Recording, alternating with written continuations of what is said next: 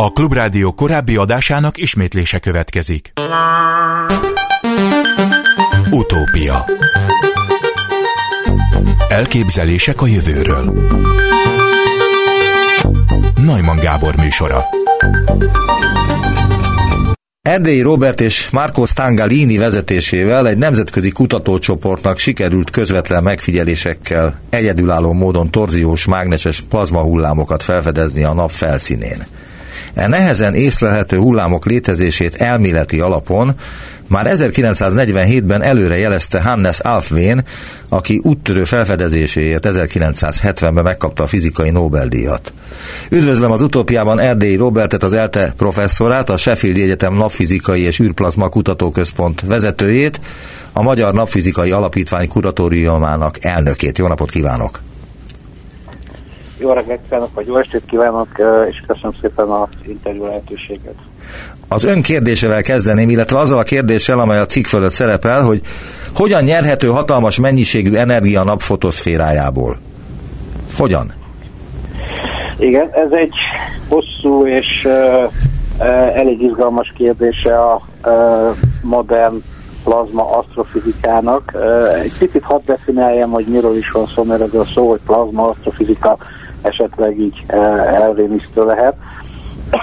Az univerzumban három uh, halmazállapotot a, szerintem a hallgatóság nagy része nagyon jól ismer, ugye szilárd, folyékony és végnemű, de van egy negyedik halmazállapot, ezt a negyedik halmazállapotot úgy hívják, hogy plazma. Ebből nem sokat uh, látunk így közvetlenül a Földön, a környezetünkben.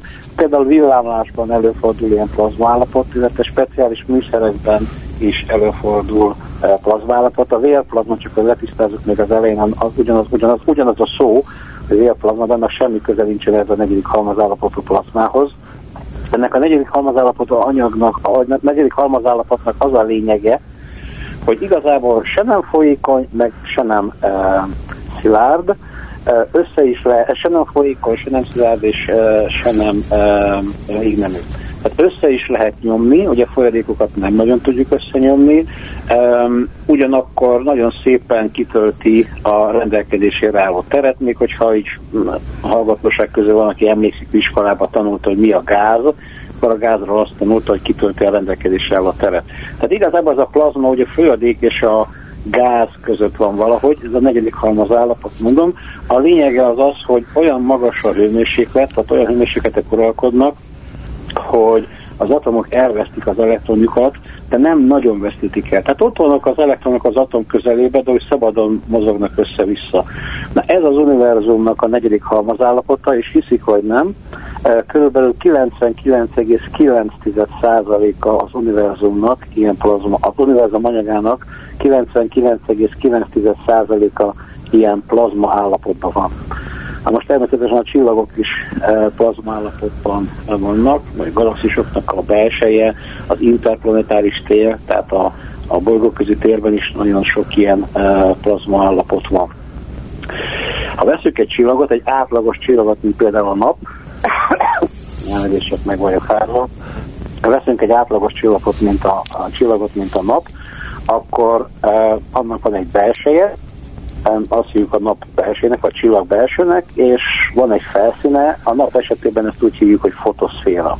És ami a nap fölött van, azt úgy hívjuk, hogy az a napnak a légköre, e, Ezeket is ilyen különböző régióban lehet osztani, például az alsóbb légkört azt úgy hívjuk, hogy kromoszféra, aztán nap fölött van egy ilyen nagyon magas hőmérsékletű anyag, és itt jön a lényeg, egy körülbelül két millió fokos hőmérsékletű e, gázburok, hogyha így szabad mondanom, vagy plazmaburok, ami a felszíntől úgy durván 2-3 ezer kilométerre kezdődik. Tehát még egyszer van a napnak a nap, mint csillag, van a felszíne, és ahogy ettől a felszíntől elmegyünk fölfelé, minél magasabbra megyünk az atmoszférában, annál magasabb lesz a hőmérséklet, és az eredeti felszíni hőmérséklet, ami csak pár ezer fokos, hát mert az is sok, pár ezer fokos, ugye durván olyan 5-6 ezer fok körül van, az a hőmérséklet megy föl több millió fokra. Na most, hogyha belegondolunk egy picit így e, józan észre, hogy ez fontos, hogy van, hát a napnak, a, a, a csillagban az energia, az ugye a nap belsejében, a csillag belsejében keletkezik, és ugye azt várjuk el, hogy ahogy jövünk el a forrástól, ugye mint egy radiátortól is a távolodunk, akkor igazából egyre hidegebb lenne. E, azt várnánk el, hogy ahogy jövünk ki a nap belsejéből, és megyünk egyre magasabbra e, a napnak a légkörébe, annál hűvösebb lenne. Himalájába fölmásznánk, vagy mászunk fel a Himalájába, ott is ugye egyre hidegebb van. Mert a nap, illetve a legtöbb csillag nem ezt produkálja, hanem azt produkálja, hogy a felszíntől fölfelé a hőmérséklet elkezd emelkedni, de valami iszonyatos módon, tehát mondom több millió, több ezer szeresére fölmegy a felszíni hőmérséklet a napnak, a, a napnak, illetve a csillagnak a légkörébe. Na ez az az energia, ez az a folyamat, amit szeretnénk megérteni, mert amit igazából történik, az az, hogy valamilyen varázslatos módon, most szándékosan mondom ezt a szót, egy ismer, számunkra jelenleg még egy picit ismeretlen módon, az anyag fölfűtődik egy olyan ö, hatalmas hőmérsékletre, ö, amit hát a földi laboratóriumok, laboratóriumok körülmények között nagyon nehezen tudunk elvállítani. Na most miért szeretnénk ezt a magas hőmérsékletet elérni a földi laboratóriumokban? Ennek is van egy nagyon praktikus oka. Ugye mindenki hallott már a maghasadásról, tehát amikor veszünk egy nehéz atomot, például az urániumot, és azt ugye ketté hasítjuk, akkor a maghasadás során energia keletkezik. Hát sajnos nem csak energia keletkezik, hanem uh, elég súlyos uh, környezetszennyezést is tud okozni egy maghasadás. Tehát igazából a maghasadás annak ellenére, hogy uh, energiát termel, azért eléggé úgymond szennyező módon termeli ezt az energiát. Van egy másik folyamat, amikor viszont könnyű atomokat veszünk, például a hidrogénatomokat, annak egész pontosan egy izotópiát eh, veszünk, valamilyen változatát, inkább mondjuk úgy. Ezeket az atomokat, hogyha összeütköztetjük, összeragadnak, és lesz belőlük lesz belőle egy hélium nevű atom, és az összetapadás, amit fúziónak hívunk, a fúzió során energia szabadul fel, és itt viszont nem keletkezik e, környezetszennyező e, káros anyag. Tehát, hogyha a fúziót valahogy e, tudnánk kontrollált körülmények között irányítani, akkor az nagyon sok úgynevezett zöld energiát, nagyon az a szó, zöld energiát tudnánk elállítani, olyan energiát tudnánk elállítani, ami nem jár környezetszennyezéssel. Most, hogy érzékeltessem, hogy, hogy, hogy, hogy miről is van szó, hogy milyen, mennyire zöld ez az energia, úgy durván számítva egy teljesen átlagos 100 liter csapvízből, ami otthon bárkinek folyik, az abban lévő speciális hidrogénatomokat kivonva, és körülbelül két és fél gram lítium, lítium az nagyon sok van a Földön, áskázunk egy kicsit, egy köbméterben elég nagy mennyiségű lítiumot lehet találni, tehát van a Földön lítium, ez nem egy, nem egy problematikus könnyű elem, tehát 100 g csapvízből és 2,5 g lítiumból, természetesen a megfelelő körülmények között, annyi energiát lehetne elállítani, ami egy modern európai háztartás teljes generációjának az energiaigényét le tudná fedni. Tehát elmondom még egyszer, mert ez nagyon fontos. Tehát durván teljesen normális 100 liter csapvízből és egy kis litiumból, amiből rengeteg van, egy egész, egy mai modern euró háztartás teljes generációjának az energia szükségletét e, tudnánk fedezni. Professzor úr, belekérdezhetek? Persze. Azt kérdezném, hogy azt kellene megfejteni, hogy a nap felszínén, ahol 4-5-6 ezer Celsius fok van, hogyan keletkezik több millió Celsius fok pár ezer kilométer a nap felszínétől? Pontosan. Tehát a, Ezek az a fémpulzusok? Mindjárt mondom, a gyakorlati probléma az az, most már értjük, hogy miért csináljuk ezt az egészet, ugye, hogy ez a, ezt a fúziót és ezt az energiát, ezt a zöld energiát elállítsuk, és azt szeretnénk megtudni, hogy a természet, például a nap, hogyan fűti fel a saját anyagát olyan hőmérsékletre, ahol ezt a fúziót utána könnyen be lehetne indítani. Na ezt vizsgáltuk, ennek a egyik módja, hogy ezt úgy kell elképzelni megint, mint hogy egy szobában lennék, és akkor a szobában valahogy a levegőt szeretném felmelegíteni. A szobában hogy melegíteni fel a levegőt? Hát radiátor, ez egy, ez egy egyszerű dolog például. A napon másképp történik, a napon mágneses terek vannak, elég erős mágneses terek vannak, ezek a mágneses terek e, úgy kell elképzelni, mintha gitár húrokkal lenne tele, ilyen húrokkal, vagy zongora húrokkal lenne tele a napnak a felszíne, és ezeket a hullakat így rezgetnénk össze-vissza, és ahogy ezek a hullak rezegnek, ezek szállítják az energiát egyik helyről a húr egyik végéből a másik végébe, vagy a húr közepére, mondjuk így, és miközben szállítják az energiát, közben át is adják a környezetüknek. Ezt a jelenséget uh, jósolta meg elméletileg a 40-es évek elején Hans Alfén, utána kapott uh, 30 évvel később egy Nobel-díjat érte, és amit mi nekünk sikerült nagyon nagy szerencsével a kollégáimmal, a társaimmal, részben az eltérről volt egy kollégám Korsos Mariana, illetve külföldi kollégáim és Marcos Tangaleni az olasz űrhivataltól az ő segítségükkel sikerült megfigyelni ezeket az alfén hullámokat, ezeket a nagyon speciális mágneses hullámokat a nap felszínén. Ez egy fontos dolog. Elnézést, ezeket hívják alfvén pulzusoknak?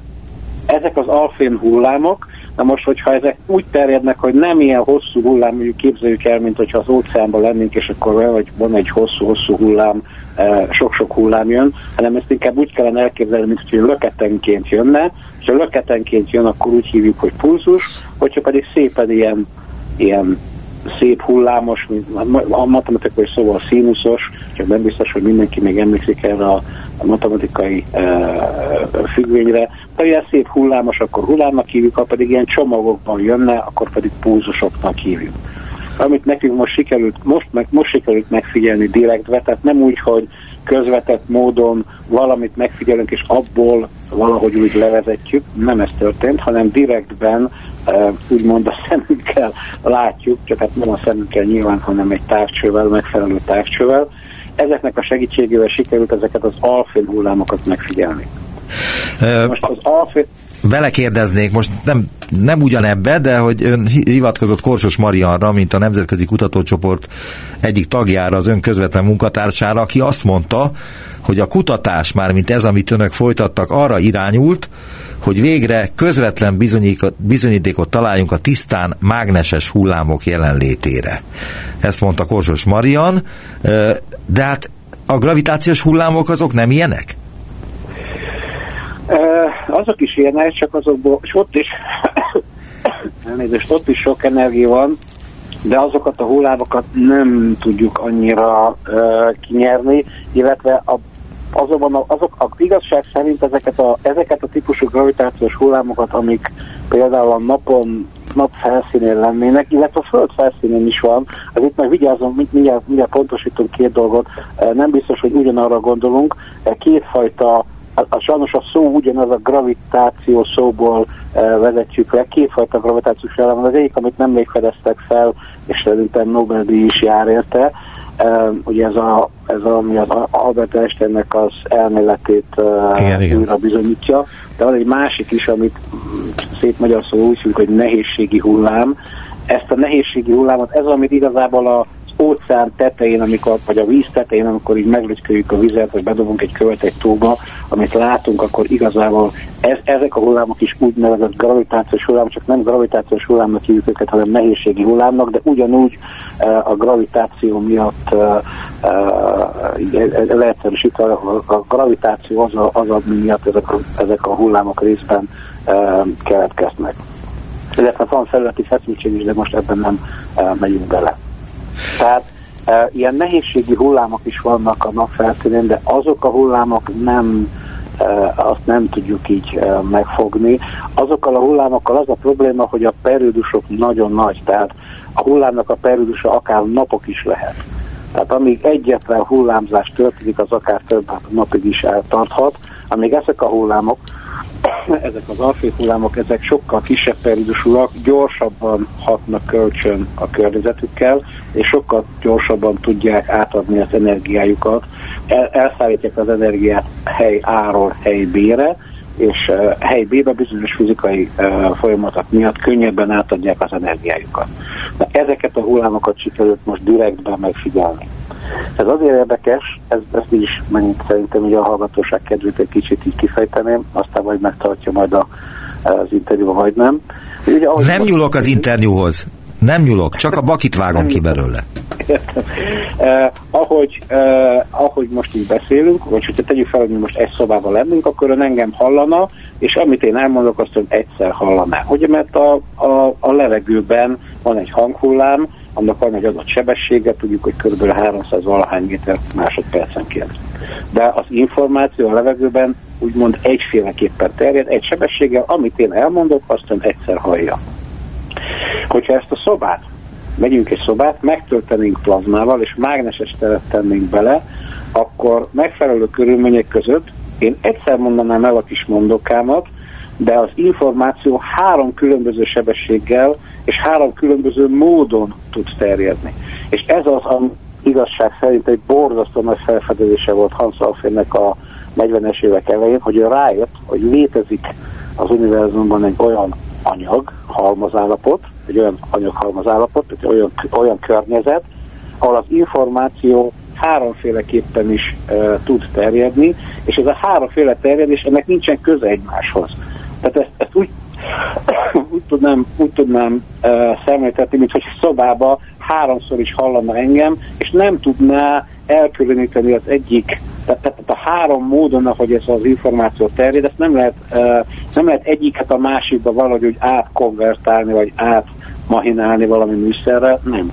Ezek saját uh, saját egzisztenciájú, uh, saját létjogosultságú információ terjedési formák.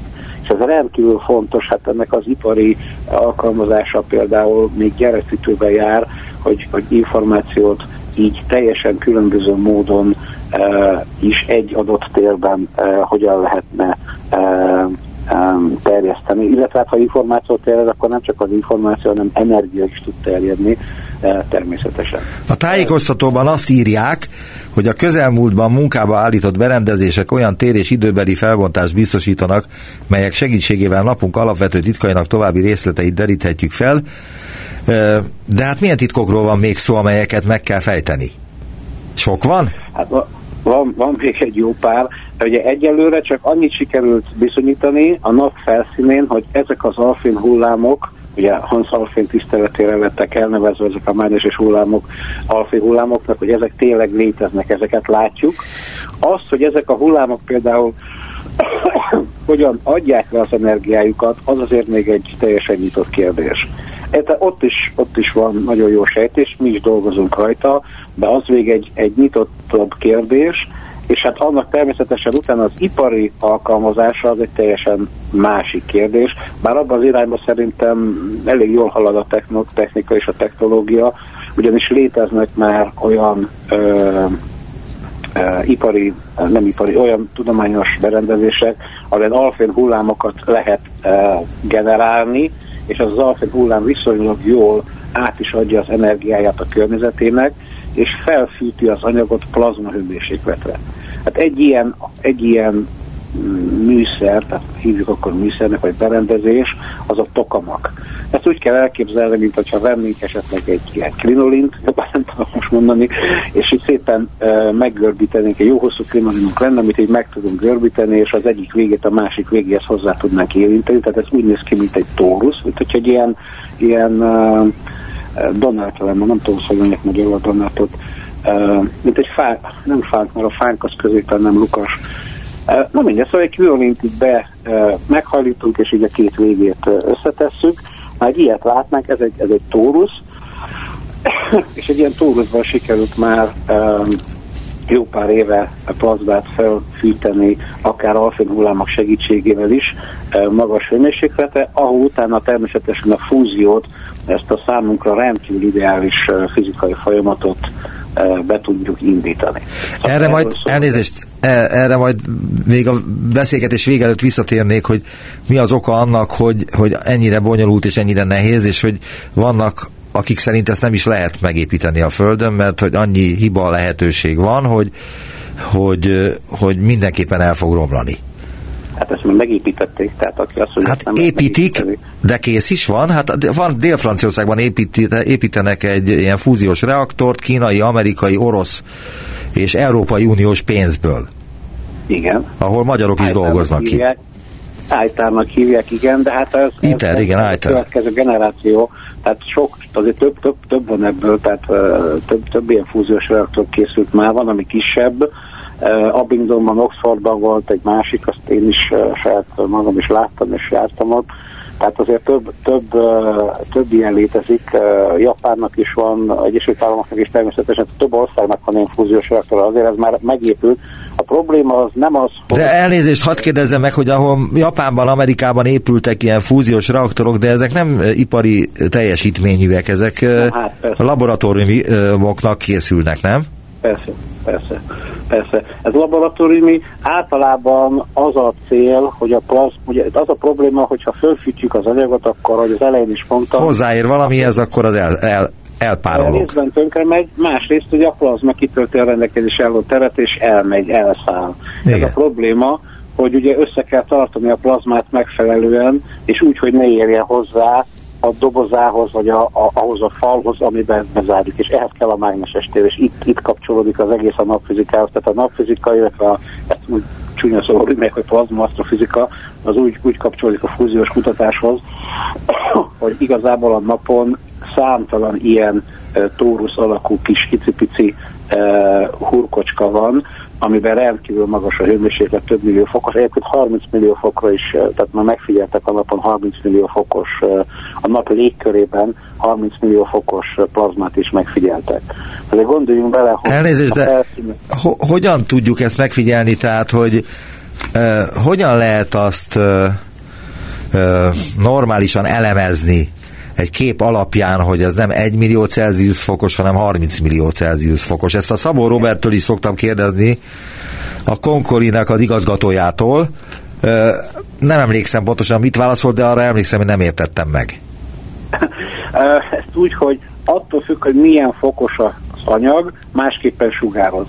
És a sugárzásnak a színképéből, tehát mondjuk úgy, hogy a sugárzásnak a elemzéséből ki lehet számolni, hogy hány fokos az a közeg, ahonnan ez a fény vagy az a sugárzás keletkezik. Tehát a, ez, ez, nem, ez annyira nem bonyolult, ezt már elég régóta uh, ismerjük.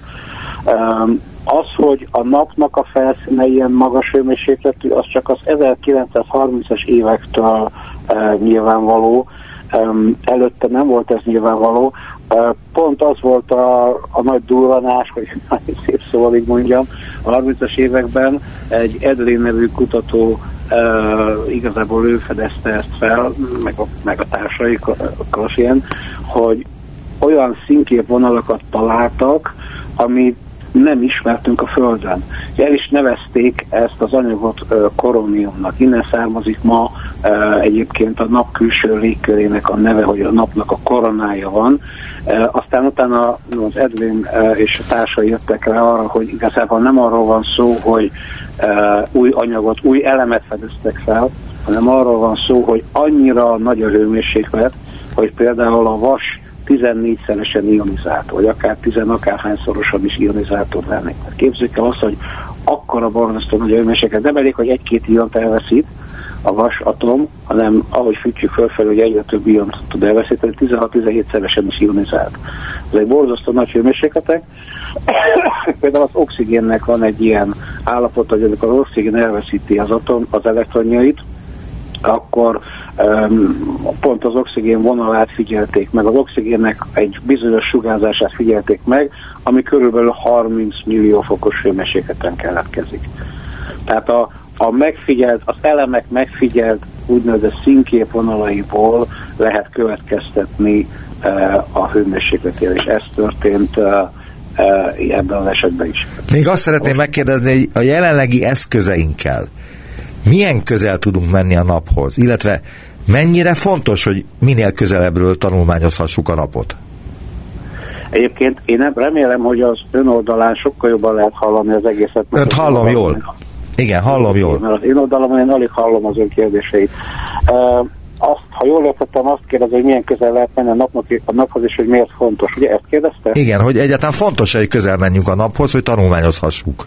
Hát persze, hogy fontos, mert ugye erre azt a példát tudom mondani, hogy ha tegyük fel, hogy beteg a kecske, jobban nem tudok mondani, akkor azt meg lehet nézni 20 méterről is, meg meg lehet nézni egészen közelről is az állatorvos beviszi fölrakja az asztalra és megvizsgálja. Tehát nyilván ahhoz, hogy minél jobban megállapítsuk a kecske betegségét, ahhoz uh, nekünk uh, amilyen közel csak lehet, uh, ugye mondjuk, hogy a kecske a lábában van egy szálka, ugye akkor azt én nagyon jó műszerekkel, mert 10 méterről is láthatom, de hát nem tudom olyan jól kezelni a kérdést, mint hogyha oda megyek, rárakom az asztalra és megvizsgálom. Tehát nekünk mindenféleképpen az egy, az egy nagyon fontos dolog, hogy menjünk olyan közel a naphoz, amilyen közel csak lehet. Van is jelenleg egy műhold, ami, ami megközelíti a napot elég tisztességesen, úgy hívják, hogy Solar Orbiter. Ezt a műholdat tavaly évelején bocsájtották fel, és a műholdnak a megnyitó, tudományos megnyitó beszédét, azt pont tartottam a, a, a, a Angliába, a Rutherford intézetben. Az, az a műhold például nagyon közel fog menni a naphoz, illetve van egy másik műhold. A közel mit jelent? Professzor úr, mit jelent a közel? Pár százezer kilométer. Tehát azt, azt, azt, azt azért gondoljuk bele, hogy iszonyatos hőmérsékletek vannak, tehát ez egy technikailag nagyon nagy kihívás, hogy az, az, az a borzasztó sugárzás, ami a napból árad kifelé, főleg a rövid hullám hosszú sugárzás, tehát a, az, a, az extrém ultraibolya sugárzás, vagy még rövidebb, ugye a röntgen sugárzás, az ne tegye tönkre ezeket a műszereket, tehát ez egy, ez egy nagyon nagy uh, kihívás, uh, gyakorlati kihívás. Um, olyan közel tudunk most már menni a nap, naphoz, hogy minél több részletet szeretnénk látni, szeretnénk megérteni ezeket a plazma folyamatokat. Az igazság az az, Elnézést, hogy professz, professzor, azt értjük, hogy a napnak miért csak pár ezer Celsius fokos a felszíne, és még ha a napba bejebb megyünk, akkor ott is már iszonyú magas hőfokok vannak, de a felszíne az ilyen alacsony, ez miért van? Azt értjük, hát az azért alacsony, mert ugye egyre távolabb vagyunk a hőforrástól. Tehát ahogy távolodom a radiátortól otthon, vagy a tűztől, vagy csinálunk egy táborrüzet nyáron, minél messzebb megyek, annál hidegebb van. Ez a termodinamika törvénye, ezzel nincs is gond.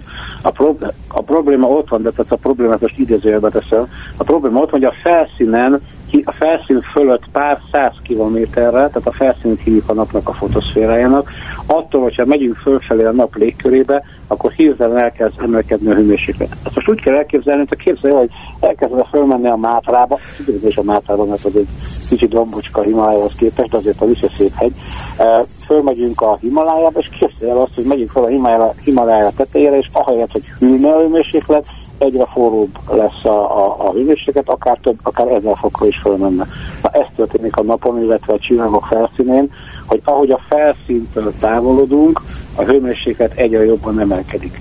Most Elnézést, most félbe kéne szakítanom a műsort, és félbe is szakítom, most pár másodperc szünet jön, de azonnal folytatom a beszélgetést Erdélyi Roberttel.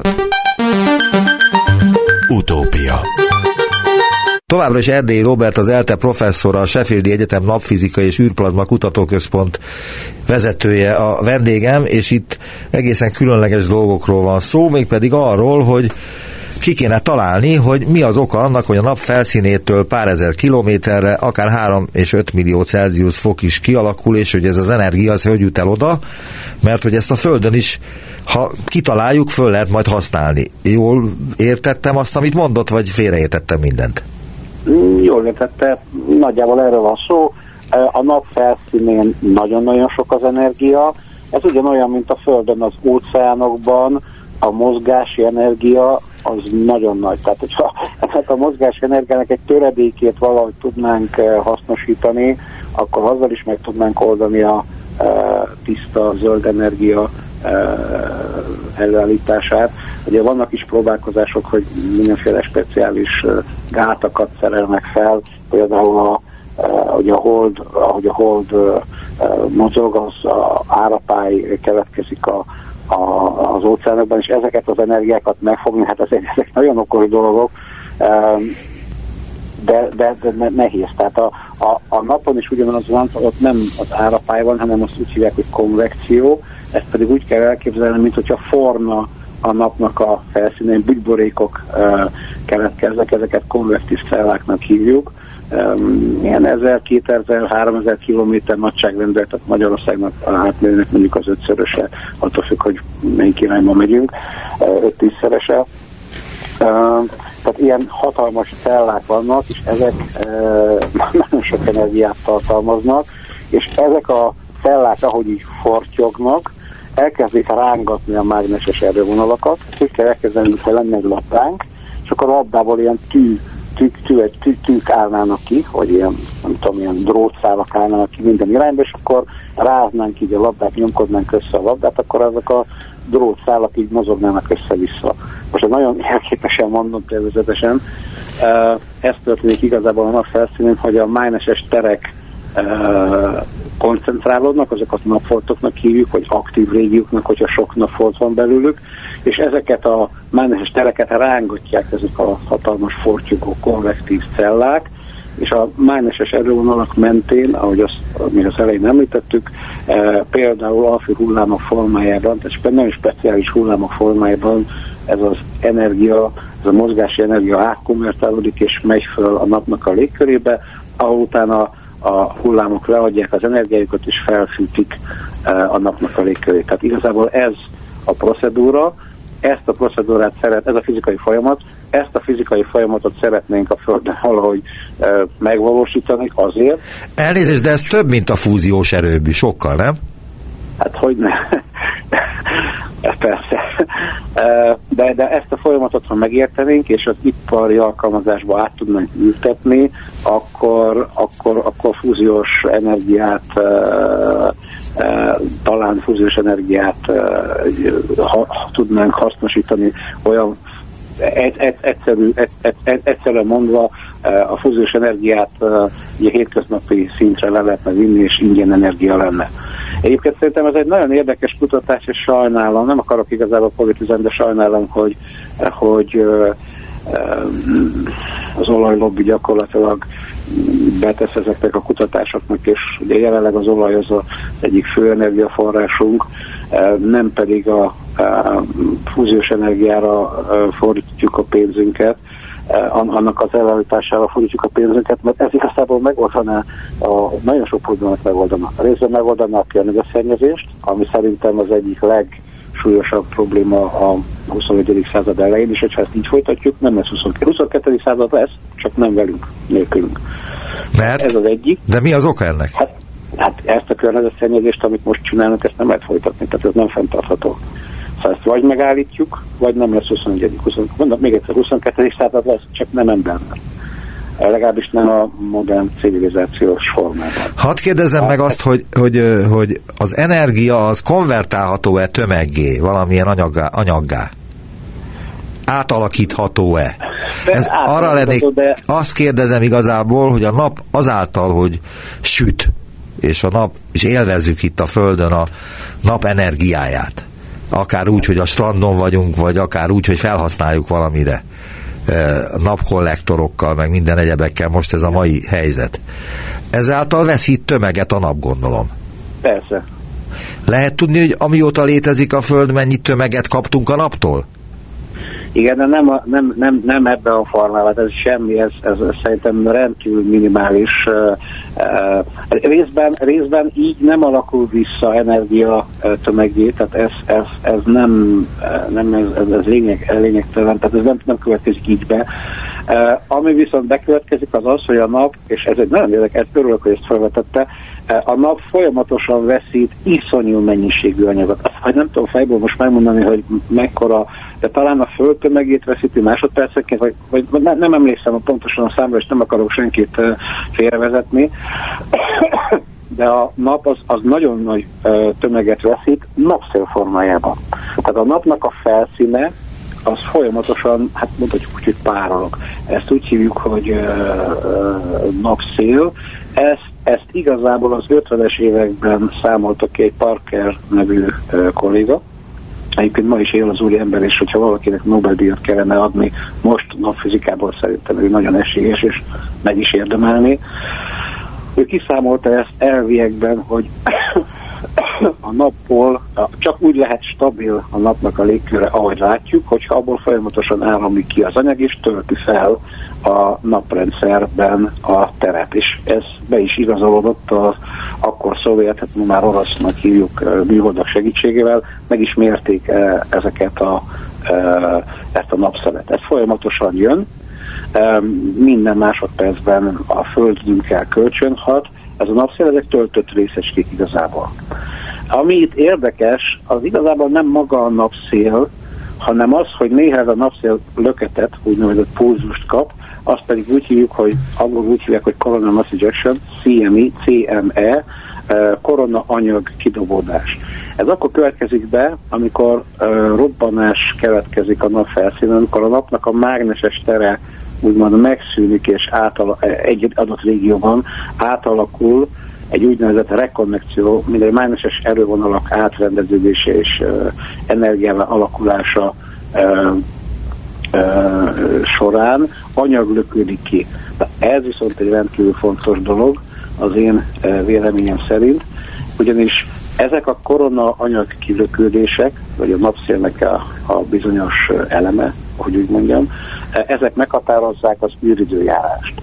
Az űridőjárás az pedig azért fontos, mert egyre jobban uh, szinte, szinte nincs ma már, legalábbis az, e- a, a, a, a Föld civilizáltabb részén, nincs olyan ember, aki, és most a civilizáltat nem kulturálisan értem, hanem technológia, tehát a fejlettebb részén, nincs olyan ember, akinek kezében ne lenne mobiltelefon, vagy valamilyen elektromos kicsi, amiben uh, uh, csipek lennének.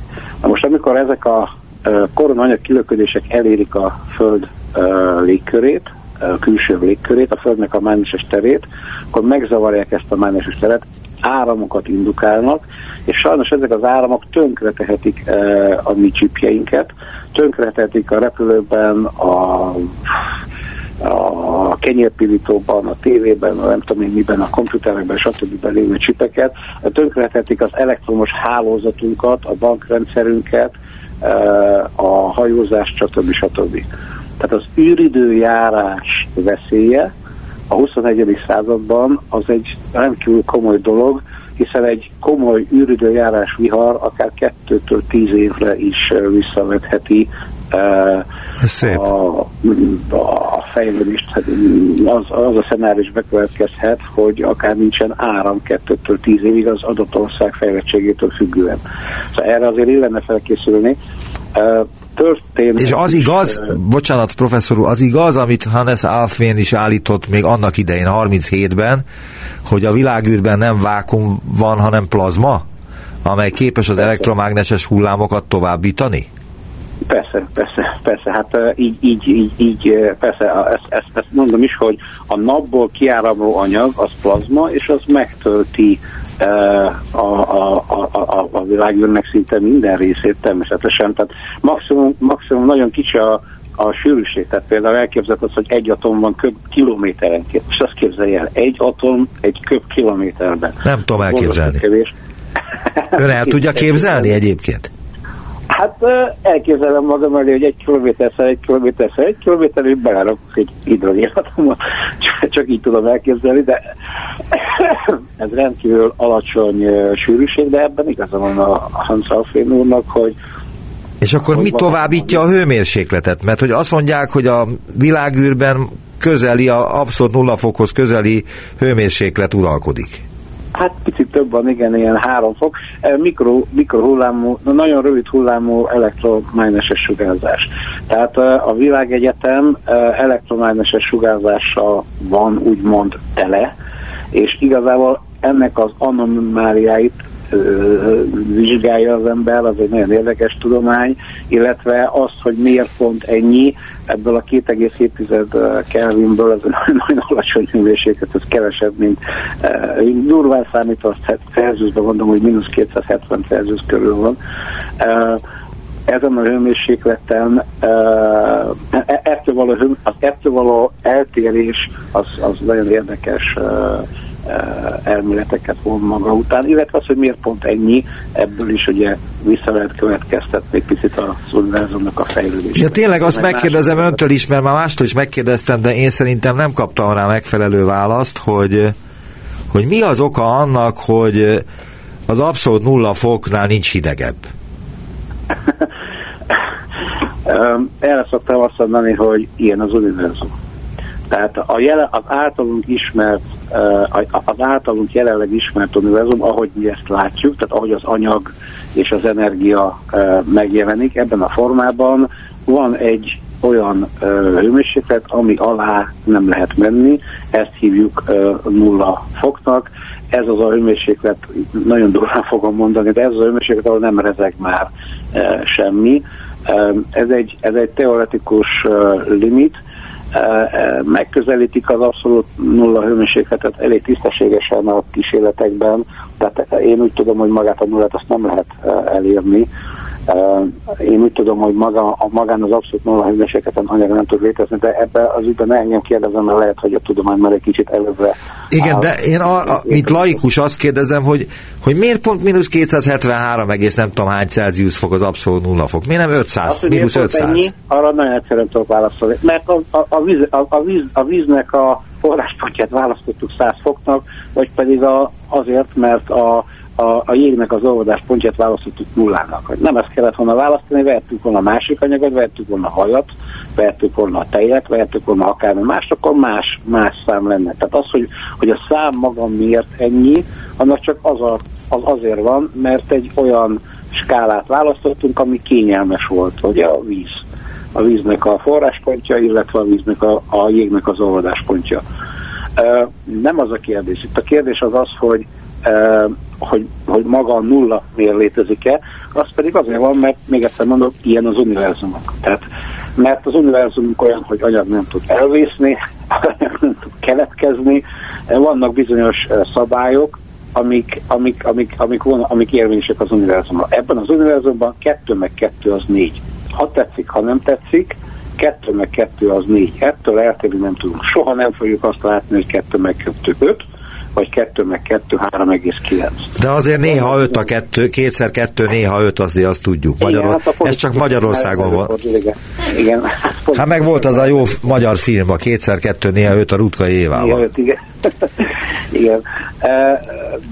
De megfigyelni ezt, hogy 2 meg 2 az 4, ez ennyi. Tehát vannak, vannak alapszabályok, amiket a mai tudásunk szerint az univerzum mai, az általunk ismert univerzumban érvényesek. Ugye például egyik ilyen az, hogy, hogy a fénysebességnek egy speciális eh, tulajdonsága van, vagy az anyagnak kettős természete, tehát vannak ilyen alapszabályok, eh, eh, tömeg ezeket mind, mind látjuk és ismerik, és nem igazán sérülnek meg ezek a szabályok, és ha az ember felállítja ezeket az alapszabályokat, ezeket axiomáknak hívják, akkor abból le lehet vezetni az összes többi e, fizikai törvény, és az egyik ilyen következménye az általunk megfigyelt univerzum szobáinak, hogy van ez a nulla hőmérséklet. Az alá ismereteink szerint nem lehet menni.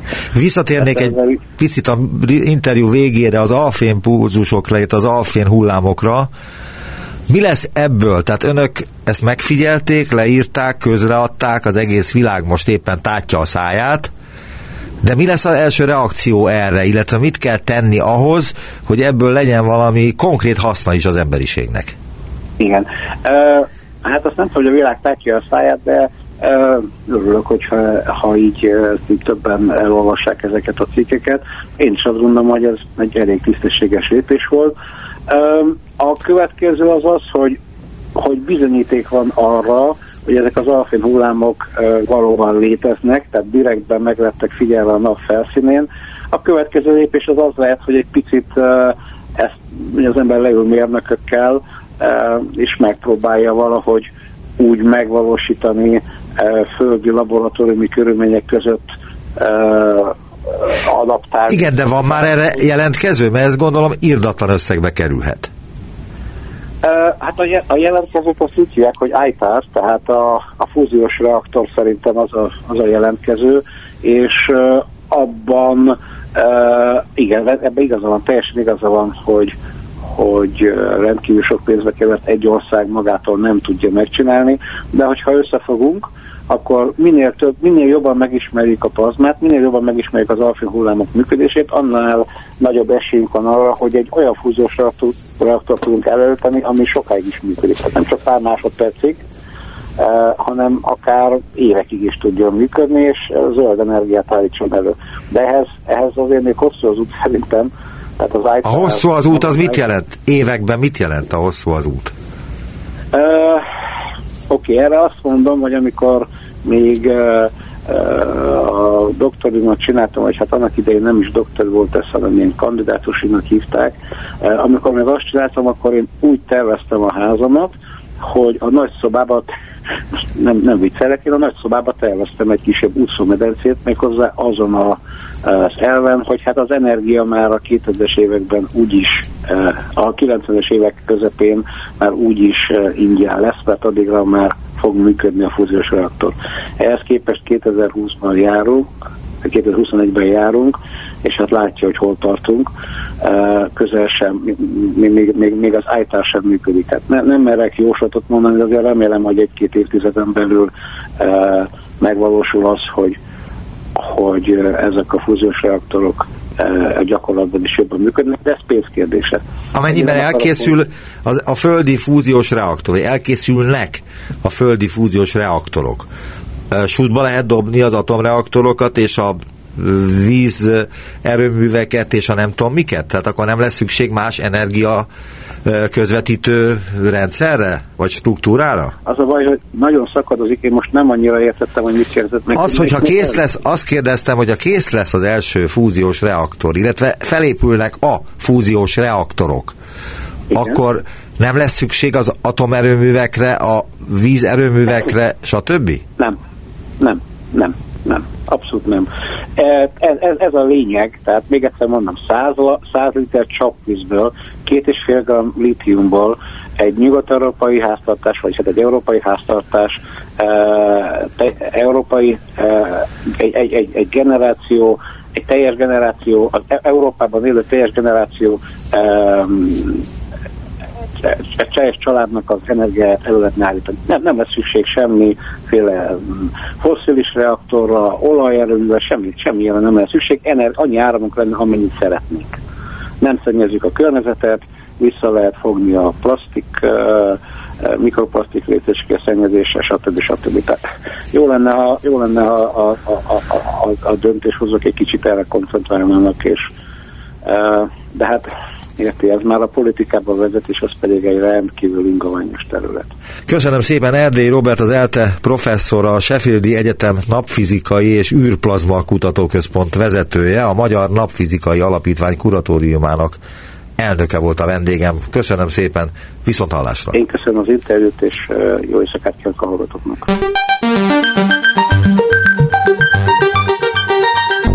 Visszaértünk a jelenbe.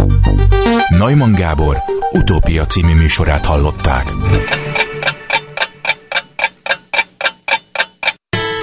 A Klubrádió korábbi adásának ismétlését hallották.